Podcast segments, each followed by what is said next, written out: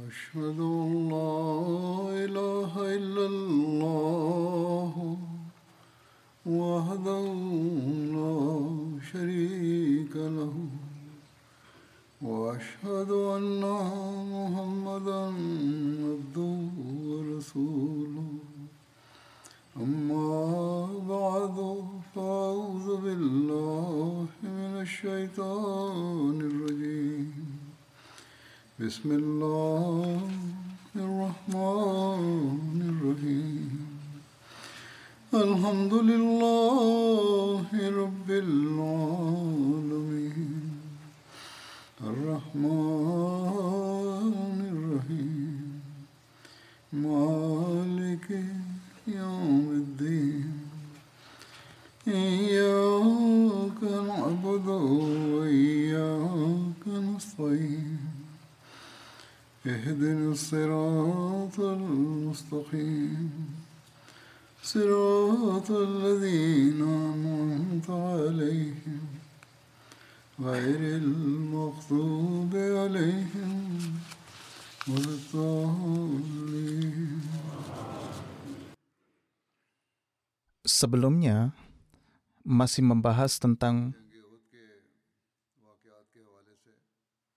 teladan kehidupan suci Rasulullah Sallallahu Alaihi Wasallam serta kecintaan dan pengabdian para sahabat beliau yang diperlihatkan di perang Uhud.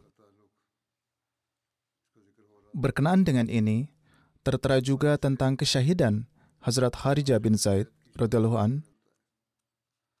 Hazrat Harijah meraih derajat syahid setelah berperang dengan sangat berani dan tanpa rasa takut selama pertempuran Uhud.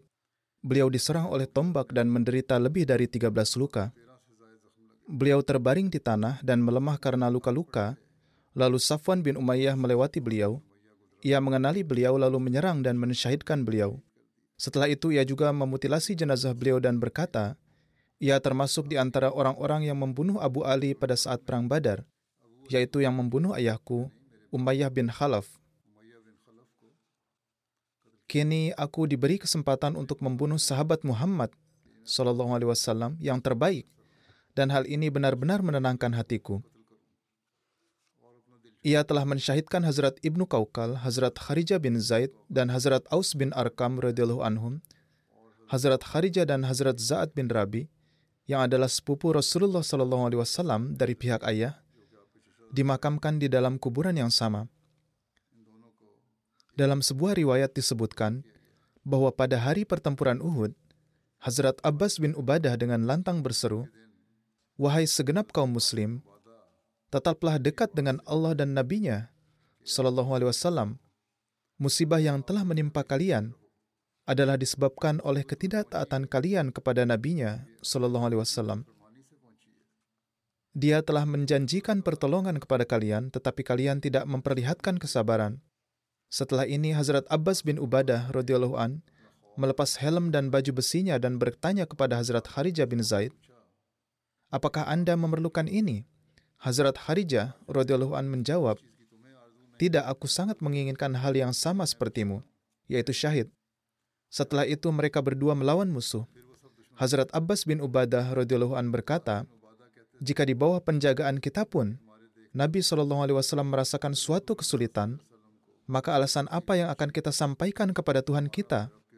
Hazrat Harijah menjawab, kita tidak akan mempunyai alasan dan juga dalih apa pun di hadapan Tuhan.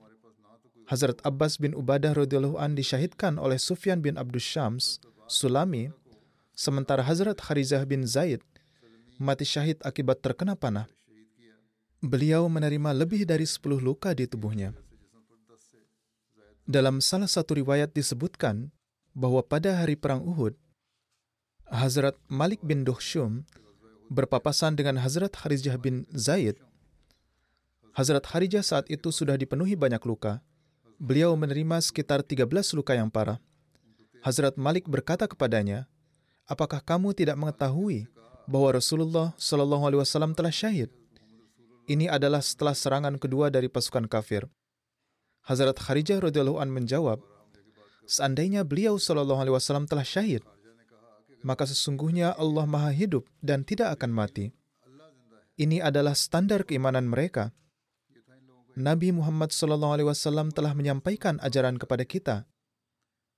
Maka dari itu Anda pun harus berjuang demi agamamu. Musuh saat ini sedang melawanmu, jadi lawanlah mereka. Tanggung jawab kita adalah mengorbankan jiwa kita demi Allah Ta'ala. Kemudian tertera juga tentang kesyahidan Hazrat Syammas bin Utsman radhiyallahu an. Hazrat Syammas bin Utsman ikut serta dalam pertempuran Badar dan Uhud. Beliau bertempur dengan sangat gagah berani dalam perang Uhud.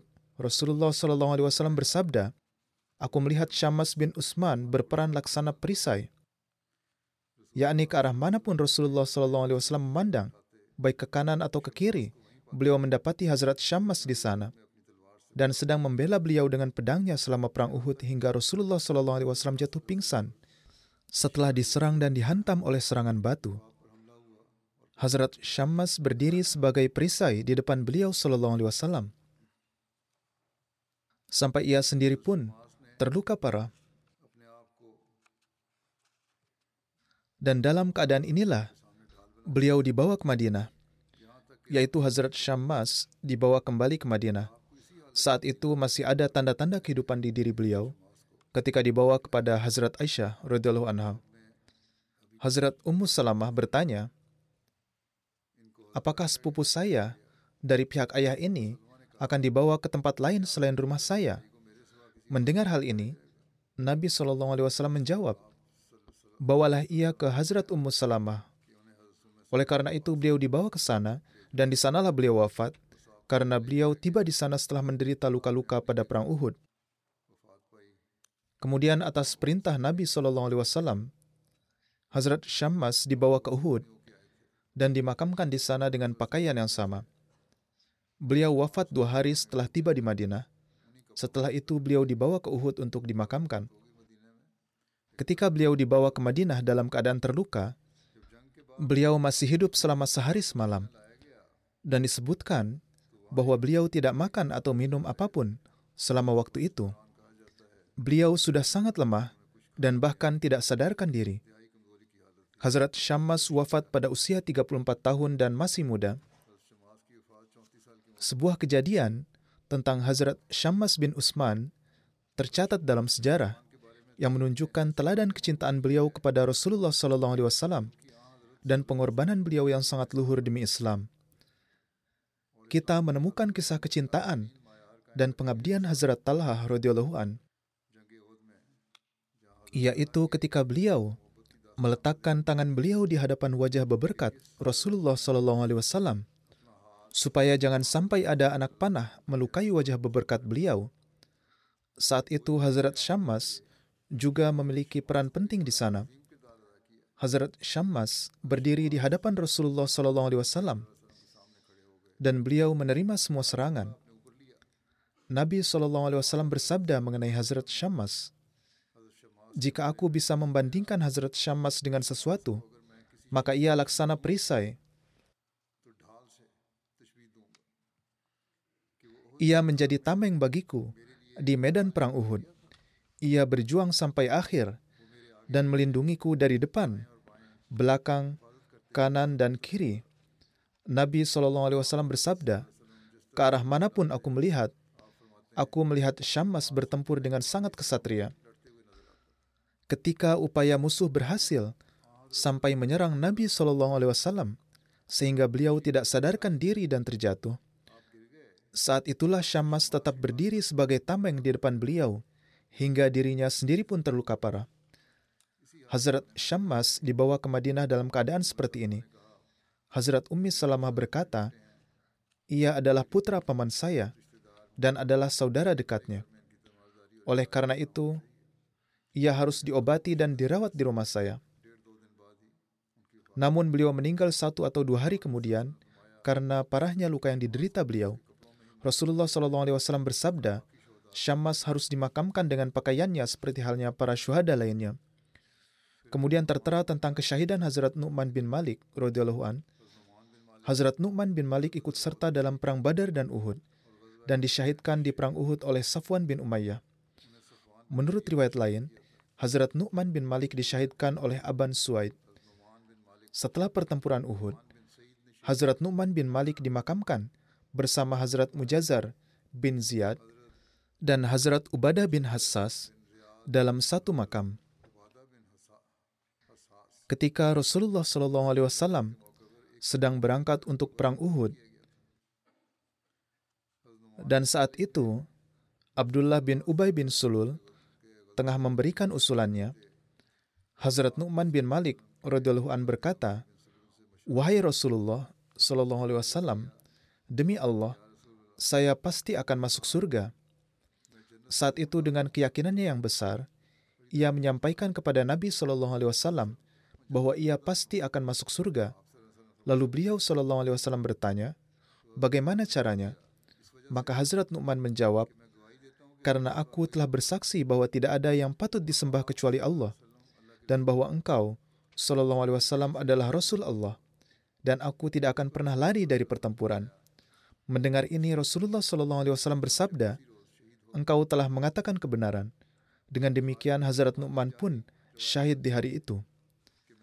Khalid bin Abi Malik Jahdi meriwayatkan bahwa ia mendapatkan riwayat berikut dalam kitab ayahnya. Hazrat Nu'man bin Kaukal Ansari radhiyallahu an berdoa, "Wahai Tuhanku, demi namamu, matahari tidak akan terbenam sebelum aku, meskipun aku pincang, akan berjalan-jalan di surga engkau yang penuh dengan kehijauan. Maka dari itu beliau pun menjadi syahid di hari itu. Rasulullah SAW bersabda, Allah Ta'ala telah mengabulkan doanya karena aku telah melihatnya, yakni Rasulullah SAW telah melihat suatu kasyaf dan Allah Ta'ala memberitahukan kepada beliau yakni beliau Shallallahu Alaihi Wasallam bersabda, Aku melihatnya berjalan di surga dalam keadaan ia tidak berjalan pincang. Selanjutnya disebutkan tentang Hazrat Sabit bin Dada, radhiyallahu an, yang memainkan peran penting selama pertempuran Uhud. Setelah berita palsu tentang kesyahidan, Nabi Shallallahu Alaihi Wasallam menyebar. Beberapa di antara umat Islam berkata, sekarang Rasulullah Shallallahu Alaihi Wasallam telah syahid. Maka dari itu kalian harus kembali kepada umat kalian yang akan memberi kalian perlindungan. Mendengar hal ini, sahabat lain berkata, seandainya Nabi Shallallahu Alaihi Wasallam memang syahid, tidakkah kalian tetap akan memperjuangkan agama dan ajaran yang dibawa oleh beliau Shallallahu Alaihi Wasallam hingga kalian sendiri syahid dan hadir di hadapan Tuhan kalian? Hazrat Sabit bin Dada menyeru kaum Ansar dan berkata, Wahai kaum Ansar, bahkan seandainya Nabi SAW telah syahid, sesungguhnya Allah Ta'ala adalah maha hidup dan tidak akan mengalami kematian. Berjuanglah demi agama kalian, niscaya Allah Ta'ala akan memberimu kemenangan dan keberhasilan. Mendengar hal ini, sekelompok Muslim Ansar bergabung dengan Hazrat Sabit untuk menyerang sekelompok musyrik yang meliputi Khalid bin Walid, Ikrimah bin Abu Jahal, Amr bin As, dan Dirar bin Hattab. Maka dengan menahan serangan dari sekelompok kecil muslim itu, Khalid bin Walid membalas dengan ganas dan membunuh Hazrat Sabit bin Dahdah dan para rekan ansar beliau. Dalam riwayat lain, Abdullah bin Umar Khatmi menuturkan, pada hari perang Uhud, Sabit bin Dahdah maju ke depan, sementara kaum muslim saat itu telah terpencar, dan dalam keadaan mengkhawatirkan, ia berseru dengan suara nyaring, Wahai kaum Ansar, datanglah kepadaku. Aku adalah Sabit bin Dahda. Jika Nabi SAW benar-benar syahid, sesungguhnya Allah adalah maha hidup dan tidak akan pernah mati. Berjuanglah demi keimananmu. Allah akan menjadikan kalian menang dan akan menolong kalian. Maka dari itu sekelompok Ansar berkumpul di sekitar beliau Hazrat Sabit juga adalah berasal dari golongan Ansar. Mereka bersatu dan melancarkan serangan terhadap pasukan orang-orang kafir. Sebagai balasannya, pasukan kafir mengirimkan regu ganas mereka yang dipimpin oleh Khalid bin Walid, Amr bin As, Ikrimah bin Abi Jahal, dan Dirar bin Hattab. Mereka berkumpul dan melancarkan serangan bersama. Khalid bin Walid menikam Hazrat Sabit dengan tombak – Hazrat Sabit syahid dan terjatuh ke tanah. Para sahabat Ansar lainnya pun keadaannya seperti beliau. Oleh karena itu tertera bahwa mereka adalah orang-orang Islam terakhir yang syahid pada hari itu. Dalam riwayat lain, tercatat bahwa Khalid maju dan menyerang Hazrat Sabit dengan tombak, melukainya dan menjatuhkannya ke tanah. Orang-orang mengangkatnya dan mulai mengobati lukanya. Pada saat itu pendarahannya berhenti dan beliau telah sembuh. Namun setelah pertempuran Hudaybiyah, lukanya kembali terbuka dan akibatnya beliau meninggal. Ada juga riwayat lain, Hazrat Jabir bin Samurah radhiyallahu an meriwayatkan, Nabi Shallallahu alaihi wasallam berjalan di samping jenazah Hazrat Sabit bin Dada dan kembali dengan menunggang kuda.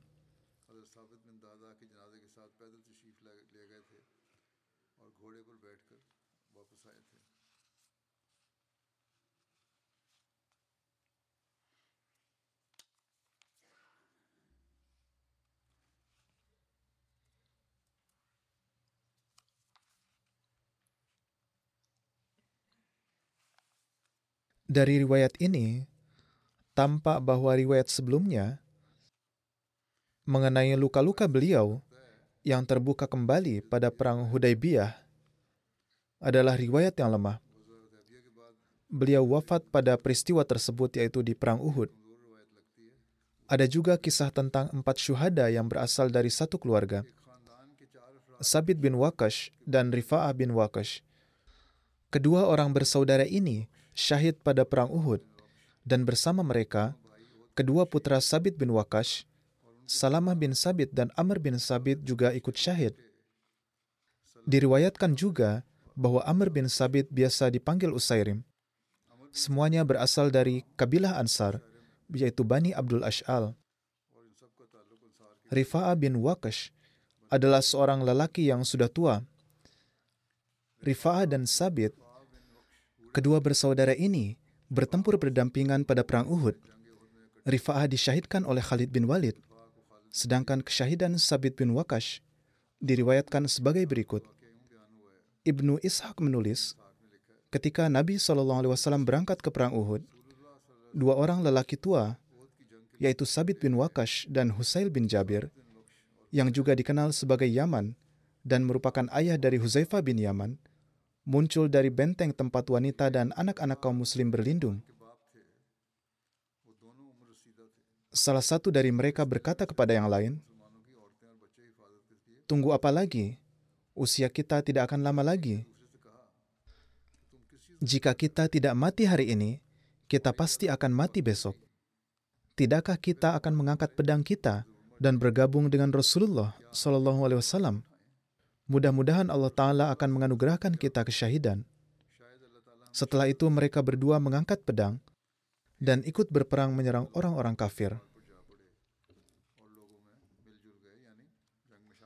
Amr bin Sabit yang juga dikenal dengan nama Usairam. Seperti yang telah saya sebutkan, Amr bin Sabit bin Wakash Ansari dikenal dengan nama Usairim dan ibunya adalah saudara perempuan Hazrat Huzaifah bin Yaman. Beliau masuk Islam setelah sholat subuh di pagi hari perang Uhud. Beliau menerima Islam setelah sholat subuh. Beliau tidak sholat, setelah itu beliau menerima Islam.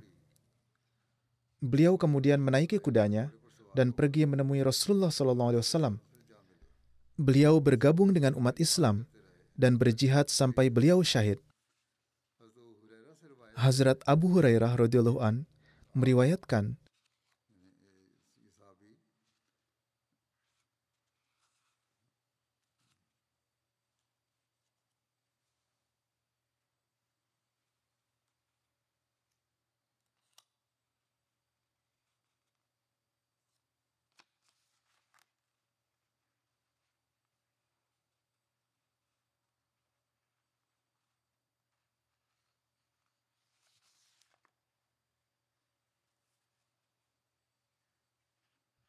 Nabi Shallallahu Alaihi Wasallam meminta para sahabat untuk menceritakan kepada beliau Shallallahu Alaihi Wasallam tentang seseorang yang tidak pernah melaksanakan sholat, namun ia adalah ahli surga.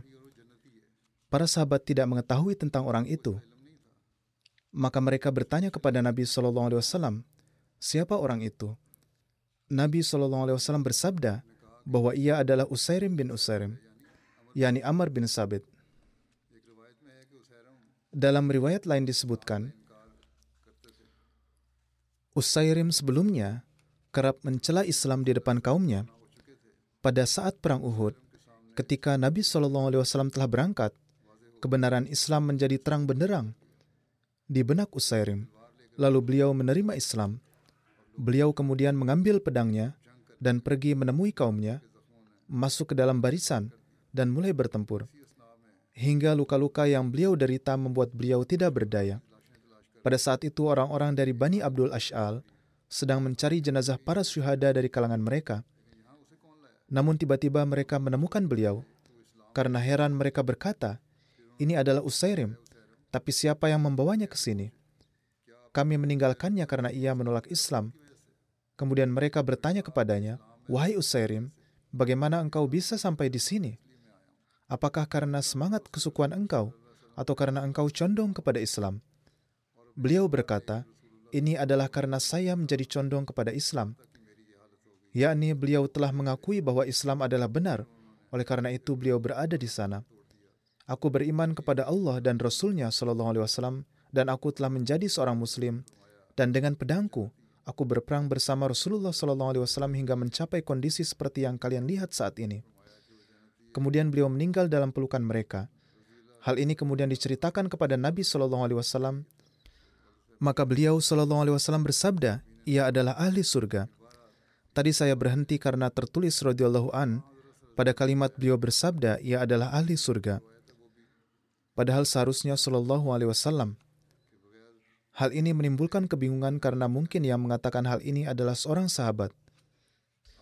Namun bagaimanapun juga, jelaslah bahwa Hazrat Rasulullah wasallam lah yang bersabda bahwa ia akan menuju surga. Riwayat sebelumnya juga dari sisi ini tampak benar bahwa beliaulah orang yang masuk surga tanpa pernah melaksanakan satu solat pun. Di saat-saat terakhirnya, beliau datang dan meraih derajat syahid. Syahid keempat dari keluarga ini adalah Hazrat Salamah bin Sabit radhiyallahu an. Nama lengkap Hazrat Salamah bin Sabit adalah Salamah bin Sabit bin Wakash. Hazrat Salamah juga ikut serta pada pertempuran Badar. Abu Sufyan mensyahidkan Hazrat Salamah bin Sabit pada perang Uhud. Kemudian ayah dari Hazrat Salama, yakni Hazrat Sabit bin Wakash radhiyallahu an, kemudian paman beliau dari pihak ayah yakni Hazrat Rifa'ah bin Wakash, serta saudara beliau yakni Hazrat Amr bin Sabit, juga gugur dalam perang Uhud. Banyak dari antara anggota keluarga ini yang ikut serta dalam perang Uhud. Mukhairik adalah seorang Yahudi dari suku Bani Nazir. Muhammad bin Umar Aslami meriwayatkan bahwa ia masuk Islam ada pula yang mengatakan bahwa ia dari suku Bani Kainuka. Ada pula yang mengatakan bahwa ia dari suku Bani Sa'labah bin Fidyun. Ia adalah salah satu cendekiawan besar Yahudi. Ia mengenali Nabi Shallallahu Alaihi Wasallam melalui tanda-tandanya dan berdasarkan pengetahuannya sendiri. Namun meskipun demikian, kecintaan pada agamanya masih dominan, sehingga ia tidak menerima Islam. Ia berkata pada hari Sabtu, Wahai orang-orang Yahudi, demi Allah, tahukah kalian bahwa wajib bagi kalian untuk membantu Muhammad Sallallahu Wasallam? Pasukan Muslim telah berangkat pada hari Jumat dan ia mengatakan hal ini pada hari Sabtu. Orang-orang berkata hari ini adalah hari Sabat. Kita tidak dapat berperang pada hari ini. Ia berkata tidak ada hari Sabat bagi kalian. Kemudian ia berkata kepada kaumnya, jika aku terbunuh pada hari ini, maka hartaku akan diberikan kepada Muhammad Sallallahu Alaihi Wasallam, dan ia dapat membelanjakan sesuka hatinya. Ia kemudian mengambil senjatanya dan berangkat. Ketika pertempuran terjadi, ia syahid saat pertempuran. Oleh karena itu Rasulullah Wasallam bersabda, Mukhairik adalah yang terbaik di antara orang-orang Yahudi. Menurut riwayat lain, Rasulullah Wasallam bersabda, Mukhairik adalah yang terbaik di antara orang-orang Yahudi. Salman adalah yang terbaik di antara orang Persia. Dan Bilal adalah yang terbaik di antara orang Habsyah. Seorang sejarawan menulis tentang Mukhairik. Ada pendapat yang mengatakan bahwa ia berperang melawan orang-orang kafir atas nama Islam dan mengorbankan nyawanya. Dan mulut Nabi Wasallam yang penuh berkah mengucapkan kata-kata pujian untuknya. Berdasarkan hal tersebut, banyak ahli sejarah yang menganggap Mukhairik sebagai seorang Muslim antara lain Ibnu Hisham, Suhaili, Ibnu Hajar, Ibnu Kasir, Baladari, Kazi Ayas, Imam Nawawi, dan lain-lain. Selanjutnya adalah riwayat mengenai Abdullah bin Jahash. Sejarah mencatat bahwa kecintaannya kepada Allah dan Rasulnya Shallallahu Alaihi Wasallam telah membuat beliau dingin terhadap keinginan dunia ini. Jika beliau mempunyai keinginan, maka itu adalah untuk memberikan hidupnya di jalan Allah Ta'ala. Keinginan beliau ini terpenuhi, dan beliau menjadi masyhur dengan julukan Mujadda Fillah, yakni orang yang dimutilasi di jalan Allah. Ada juga riwayat bagaimana doa Hazrat Abdullah bin Jahash radhiyallahu an yang dikabulkan sebelum beliau syahid. Peristiwa pengabulan doa beliau sebelum beliau syahid ini sudah banyak diketahui orang. Ishaq bin Sa'ad bin Abu Waqas radhiyallahu an meriwayatkan dari ayahnya, pada hari Uhud, Abdullah bin Jahash berkata kepada ayahku saat, Kemarilah, mari kita berdoa kepada Allah Ta'ala. Maka mereka berdua berpindah ke satu sisi untuk berdoa. Pertama Hazrat Sa'ad radhiyallahu an berdoa, Wahai Allah, ketika besok aku menghadapi musuh, biarlah musuhku adalah orang yang mempunyai keberanian dan keterampilan yang tinggi serta merupakan orang yang disegani. Semoga aku dapat melawan orang seperti itu, mengalahkannya dalam pertempuran demi engkau, dan mengambil senjatanya. Mendengar ini, Abdullah bin Jahash berkata, Amin. Setelah itu, Abdullah bin Jahash mengucapkan doa berikut. Doa sebelumnya adalah yang dipanjatkan oleh orang yang pertama. Doa Hazrat Abdullah radhiyallahu adalah sebagai berikut. Wahai Allah, semoga besok aku menghadapi lawan yang benar-benar terampil dalam pertempuran dan ditakuti. Semoga kami saling bertempur dan semoga dia mengalahkanku dalam pertempuran, membunuhku dan memutilasi hidung dan telingaku, sehingga ketika aku berdiri di hadapanmu, wahai Allah, semoga engkau bertanya padaku, wahai Abdullah, di jalan siapa hidung dan kedua telinga engkau terpotong? Maka aku menjawab, wahai Allah, ini terjadi di jalanmu dan di jalan Rasulmu Shallallahu Alaihi. Maka sebagai jawabannya, engkau akan mengatakan, wahai Abdullah, sungguh benar apa yang engkau katakan. Hazrat Abdullah radhiyallahu an ingin agar Allah Ta'ala mengucapkan kata-kata ini. Hazrat Sa'ad berkata, doa Abdullah lebih baik daripada doa saya, karena pada hari terakhir perang Uhud, aku melihat hidung dan kedua telinganya digantung dengan seutas benang, yakni telah dipotong dan diikat menjadi satu.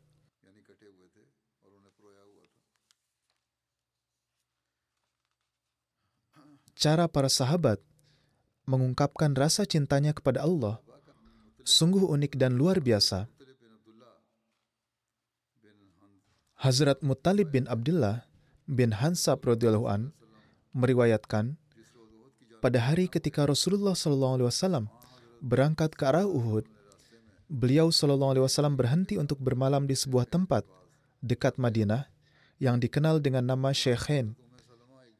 Di sana Hazrat Ummu Salamah membawakan Nabi Wasallam daging panggang bagian paha atas yang beliau makan bersama dengan beberapa nabiz yang beliau minum.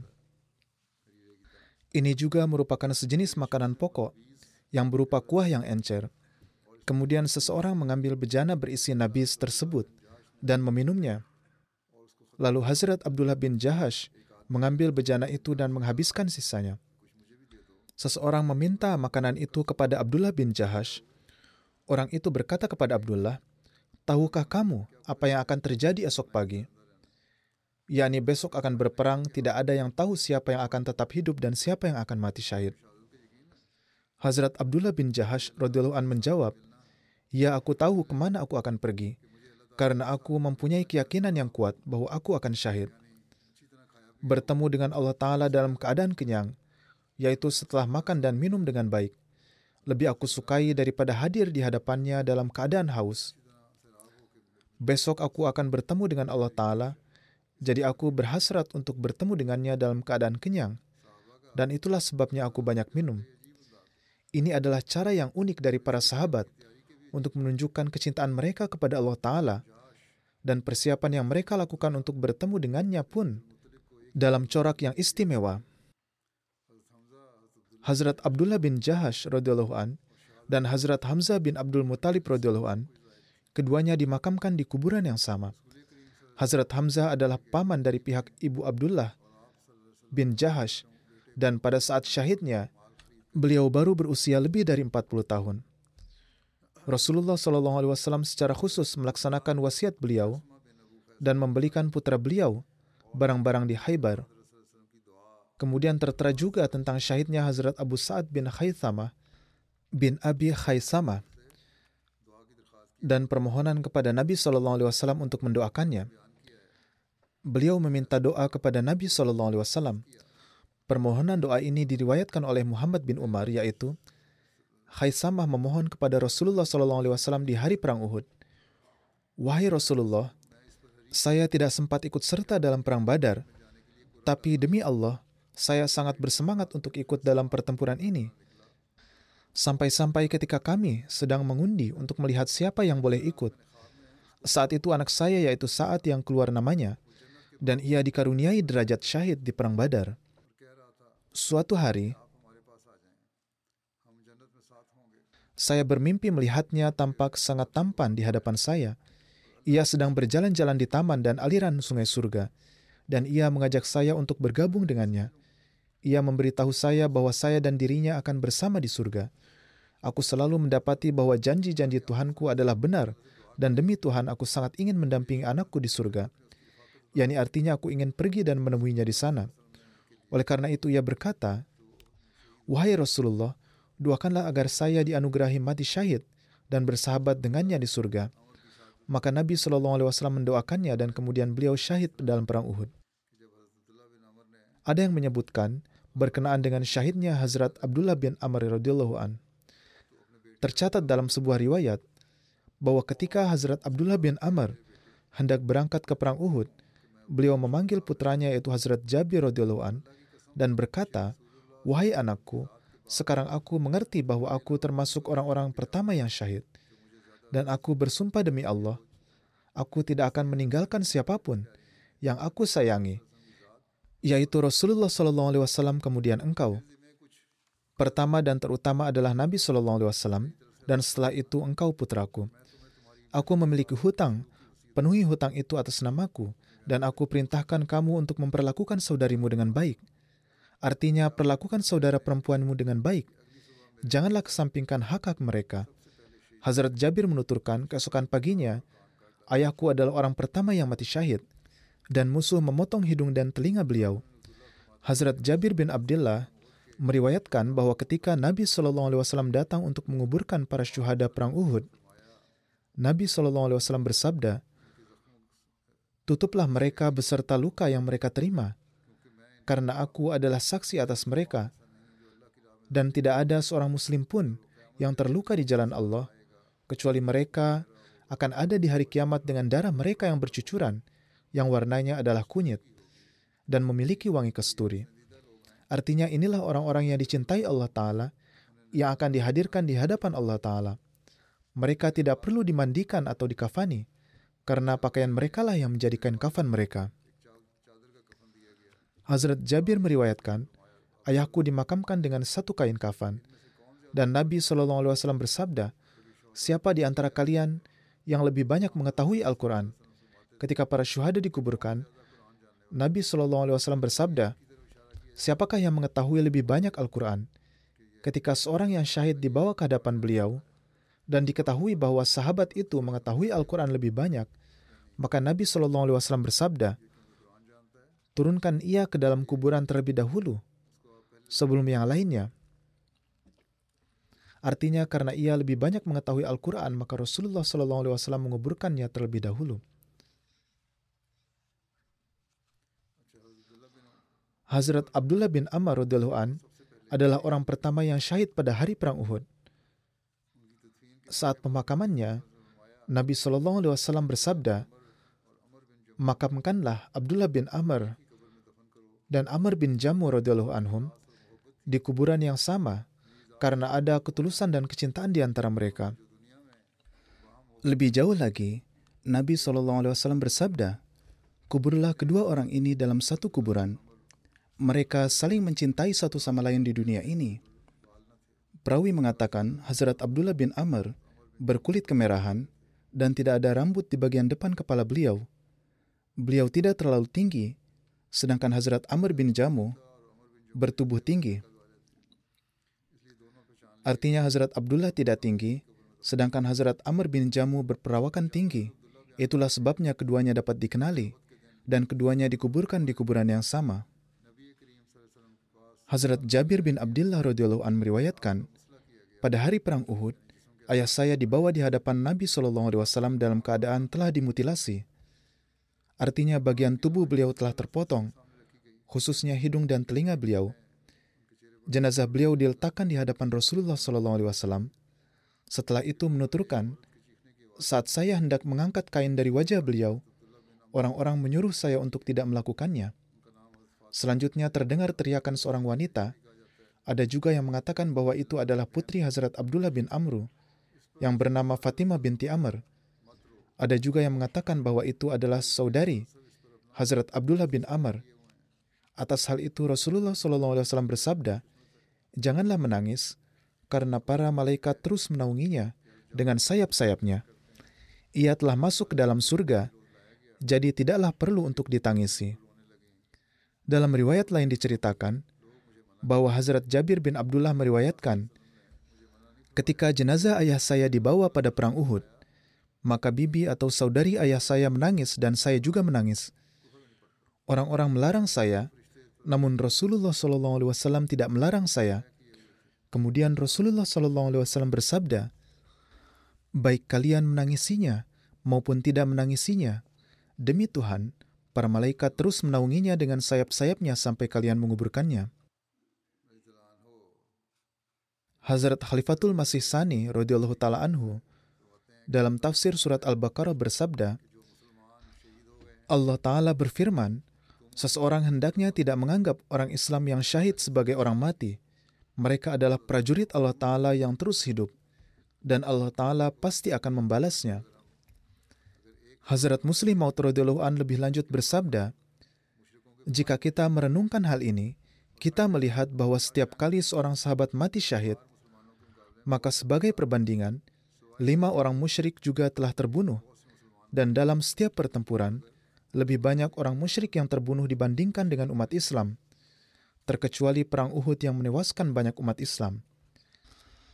Namun Allah Ta'ala telah membalasnya juga dalam pertempuran lainnya setelah perang Uhud, karena lemah dan kelelahan, Nabi Shallallahu Alaihi Wasallam melaksanakan sholat sambil duduk, yakni karena lelah, beliau melaksanakan sholat sembari duduk, yaitu beliau memimpin sholat zuhur.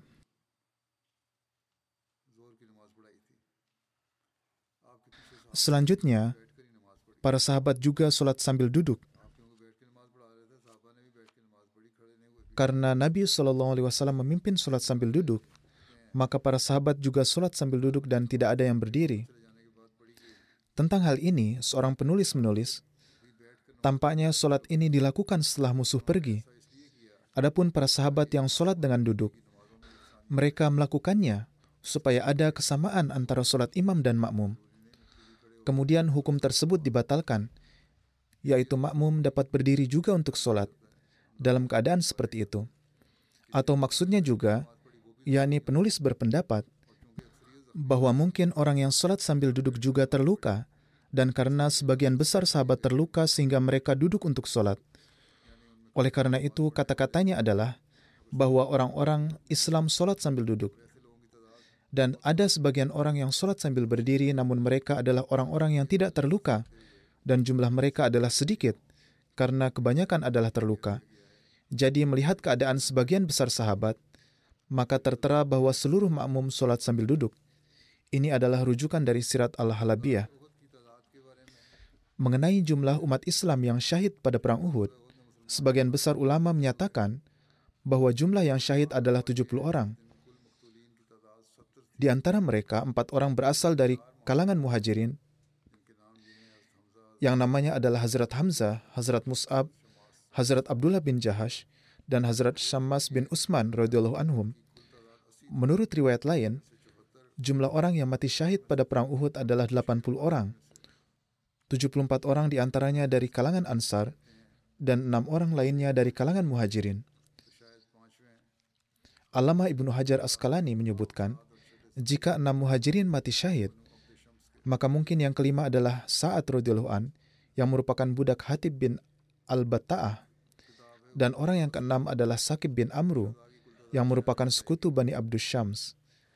Menurut kitab Uyunul Asr, jumlah yang syahid adalah 96 orang dan ada 23 orang terbunuh dari kalangan musyrik. Menurut riwayat lain, 22 orang musyrik yang terbunuh. Riwayat lain menyatakan bahwa selama pertempuran, Hazrat Hamzah membunuh total 30 orang musyrik. Namun riwayat ini tampaknya tidak benar karena jumlah musuh yang terbunuh adalah 23 orang. Sejarawan lain pernah menulis bahwa ada perbedaan pendapat mengenai jumlah sahabat yang disyahidkan oleh orang-orang kafir pada perang Uhud. Jumlah orang yang syahid yang dikutip oleh berbagai sejarawan adalah berkisar antara 49 hingga 108 orang. Namun sebagian besar menyebutkan jumlah sahabat yang syahid pada hari Uhud adalah 70 orang.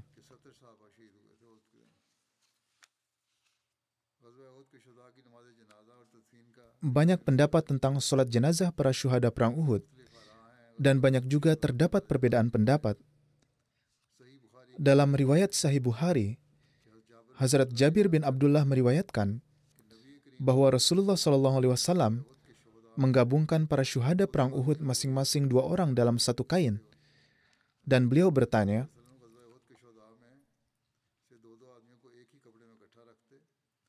Siapa di antara mereka yang paling banyak mengetahui Al-Quran? Ketika orang-orang mengisyaratkan pada salah satu dari mereka, maka Rasulullah SAW menurunkan orang tersebut lebih dahulu ke kuburan jika telah tertutup dalam satu kain, tetap saja diletakkan pada sebelah kanan dan kiri. Dilakukan secara berurutan. Kemudian beliau Shallallahu Alaihi Wasallam bersabda, "Aku menjadi saksi mereka di hari kiamat." Beliau memerintahkan untuk menguburkan mereka dengan darah mereka. Mereka tidak dimandikan dan juga tidak disalatkan. Dalam riwayat lain Sahih Bukhari, yang sebelumnya juga adalah riwayat Bukhari, Hazrat Akbar bin Amir meriwayatkan bahwa suatu hari Rasulullah SAW datang dan beliau menyolatkan jenazah para syuhada Uhud. Dalam riwayat lain, Rasulullah SAW menyolatkan jenazah para syuhada Uhud delapan tahun setelah perang Uhud. Di sini terdapat beberapa riwayat berbeda yang disampaikan oleh beberapa perawi. Namun nampaknya saat itu tidak disolatkan, melainkan di kemudian hari dilakukan sholat jenazahnya. Dalam Sunan Ibnu Majah diriwayatkan bahwa Hazrat Ibnu Abbas meriwayatkan jenazah para syuhada perang Uhud dibawa ke hadapan Rasulullah SAW dan beliau SAW menyulatkan jenazah mereka bergiliran sepuluh-sepuluh jenazah sedangkan jenazah Hazrat Hamzah terus berada bersama beliau sedangkan jenazah yang lain bergantian dibawa. Mungkin saja dalam hal ini mereka telah salah faham. Terdapat riwayat dalam Sunan Abi Daud bahwa Hazrat Anas bin Malik meriwayatkan bahwa para syuhada Uhud tidak dimandikan. Mereka dikuburkan dalam kondisi luka-luka dan berlumuran darah. Dan tidak ada di antara mereka yang disolatkan jenazahnya. Dalam riwayat Sunan Abu Daud, Hazrat Anas meriwayatkan bahwa Rasulullah SAW tidak menyolatkan jenazah siapa pun, kecuali jenazah Hazrat Hamzah. Dalam Sunan Tirmizi, Hazrat Anas bin Malik meriwayatkan bahwa Rasulullah Wasallam tidak menyolatkan jenazah para syuhada perang Uhud. Kebanyakan mengatakan bahwa tidak disolatkan jenazahnya. Dalam Sirat Ibnu Hisham dan Sirat Halbiyah dituliskan bahwa Rasulullah Wasallam menyolatkan jenazah para syuhada Uhud demikian. Pertama, beliau menyolatkan jenazah Hazrat Hamzah. Beliau mengucapkan tujuh takbir dalam solat jenazah. Menurut Sirat Halabiyah, ada empat takbir, Kemudian ke hadapan beliau dibawa jenazah syuhada lainnya satu persatu dan diletakkan bersama jenazah Hazrat Hamzah. Lalu beliau Shallallahu Alaihi Wasallam menyolatkan jenazah keduanya. Dengan demikian seluruh jenazah disolatkan satu kali, sedangkan jenazah Hazrat Hamzah disolatkan 72 kali. Menurut sebagian orang ada 92 kali. Memang tertulis riwayat-riwayat seperti itu, namun ada juga riwayat-riwayat lain yang lemah. Dalam salah satu kitab sirat, Dalailun Nubuah ditulis bahwa di samping jenazah Hazrat Hamzah diletakkan sembilan jenazah lain dan disolatkan. Kemudian kesembilan itu diangkat dan dibawa lagi sembilan lainnya. Dengan demikian seluruh jenazah disolatkan seperti itu. Beliau mengucapkan tujuh takbir di setiap solat jenazah. Dalam sirat halabiyah dan dalailun nubuah, dibahas tentang hadis-hadis yang meriwayatkan tentang solat jenazah para syuhada perang Uhud. Dan di dalam kedua kitab itu tertera riwayat Hazrat Jabir bin Abdullah bahwa Rasulullah Wasallam memerintahkan untuk menguburkan para syuhada Uhud dengan darah mereka. Mereka tidak dimandikan dan juga tidak disolatkan.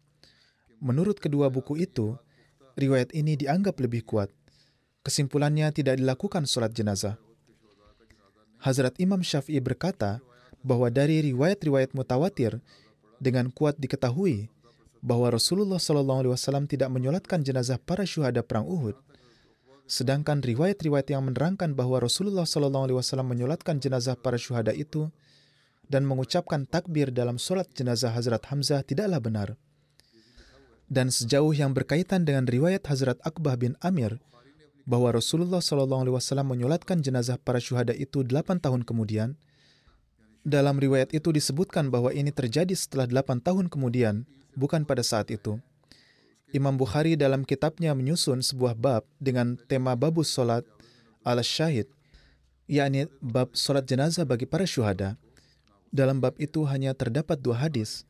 Hadis pertama adalah riwayat Hazrat Abdullah bin Jabir dan di dalamnya dengan jelas disebutkan bahwa jenazah para syuhada perang Uhud tidak dimandikan dan tidak pula disolatkan. Sedangkan hadis yang kedua adalah riwayat Hazrat Akbah bin Amir yang di dalamnya beliau meriwayatkan bahwa kana Nabi sallallahu alaihi wasallam kharaja yauman fasalla ala ahli Uhudin salatuhu alal mayyiti. Suatu hari Rasulullah sallallahu alaihi wasallam keluar dan beliau salat untuk para syuhada Uhud, yaitu salat jenazah. Riwayat inilah yang terdapat dalam Sahih Bukhari. Adapun di tempat lainnya tertera pada bab perang Uhud. Di dalamnya sahabat meriwayatkan bahwa Sallallahu Rasulullah sallallahu alaihi wasallam ala qatli Uhudin ba'da samaniya sinin kal muwaddi bil ahya'i wal amwati yakni Rasulullah sallallahu alaihi wasallam salat untuk para syuhada Uhud setelah 8 tahun dan beliau salat seperti mengucapkan selamat tinggal pada orang-orang yang masih hidup atau yang sudah wafat. Demikian pula Allama Ibnu Hajar Asqalani berkata tentang yang disampaikan oleh Imam Syafi'i. Yang disampaikan Imam Syafi'i maksudnya adalah tidak ada satupun jenazah yang disolatkan di makamnya setelah berlalu masa panjang setelah kewafatannya. Menurut Imam Syafi'i, ketika Rasulullah SAW mengetahui bahwa waktu kewafatan beliau sudah dekat, maka beliau pergi ke makam para syuhada itu dan sambil mengucapkan selamat tinggal, beliau SAW berdoa untuk mereka dan meminta ampunan untuk mereka. Jemaat pun berpendapat sama seperti yang telah ditulis oleh Hazrat Mirza Bashir Ahmad. Meskipun pada saat itu tidak dilakukan sholat jenazah, itu telah jelas, yaitu riwayat-riwayat berpihak pada pendapat bahwa jenazah para syuhada Uhud tidak disolatkan. Beliau pun menulis demikian, yakni tidak dilakukan sholat jenazahnya namun di kemudian hari, ketika mendekati masa-masa kewafatan beliau Shallallahu Alaihi Wasallam, beliau Shallallahu Alaihi Wasallam secara khusus mensolatkan jenazah para syuhada Uhud dan mendoakan mereka dengan penuh rintihan. Selanjutnya masih ada yang akan disampaikan mengenai hal ini insya Allah. Sekarang saya ingin menyampaikan sesuatu perihal situasi dunia saat ini. Api perang terus menyebar. Diperlukan sebanyak-banyaknya doa untuk menyelamatkan umat manusia dari kehancuran. Jika para Ahmadi secara hakiki berdoa, maka kita dapat melakukan sesuatu. Pemerintah Israel sudah mengambil jalannya sendiri, dan mereka selalu mencari alasan untuk diutarakan dalam setiap waktunya dan mereka tidak siap menerima alasan yang masuk akal mana pun.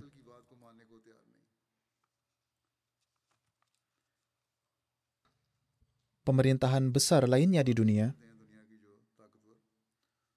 baik atas kesengajaan mereka sendiri atau karena takut terhadap Israel, mereka setuju dengan apa pun yang dikatakan oleh Perdana Menteri Israel atau pemerintahnya. Awalnya mereka mengatakan bahwa harus ada gencatan senjata dan ketidakadilan harus diakhiri. Namun begitu mereka yaitu pemerintah Israel mengatakan sesuatu mereka menyetujuinya. Semoga Allah Ta'ala juga mengasihani umat Islam dan mengarahkan mereka kepada Allah Ta'ala. Inilah satu-satunya cara orang ini dapat berlindung dan melindungi kehidupan mereka di dunia ini dan di akhirat. Semoga Allah Ta'ala mengasihani mereka, memberikan taufik kepada kita untuk berdoa, dan juga mengasihi kita semua.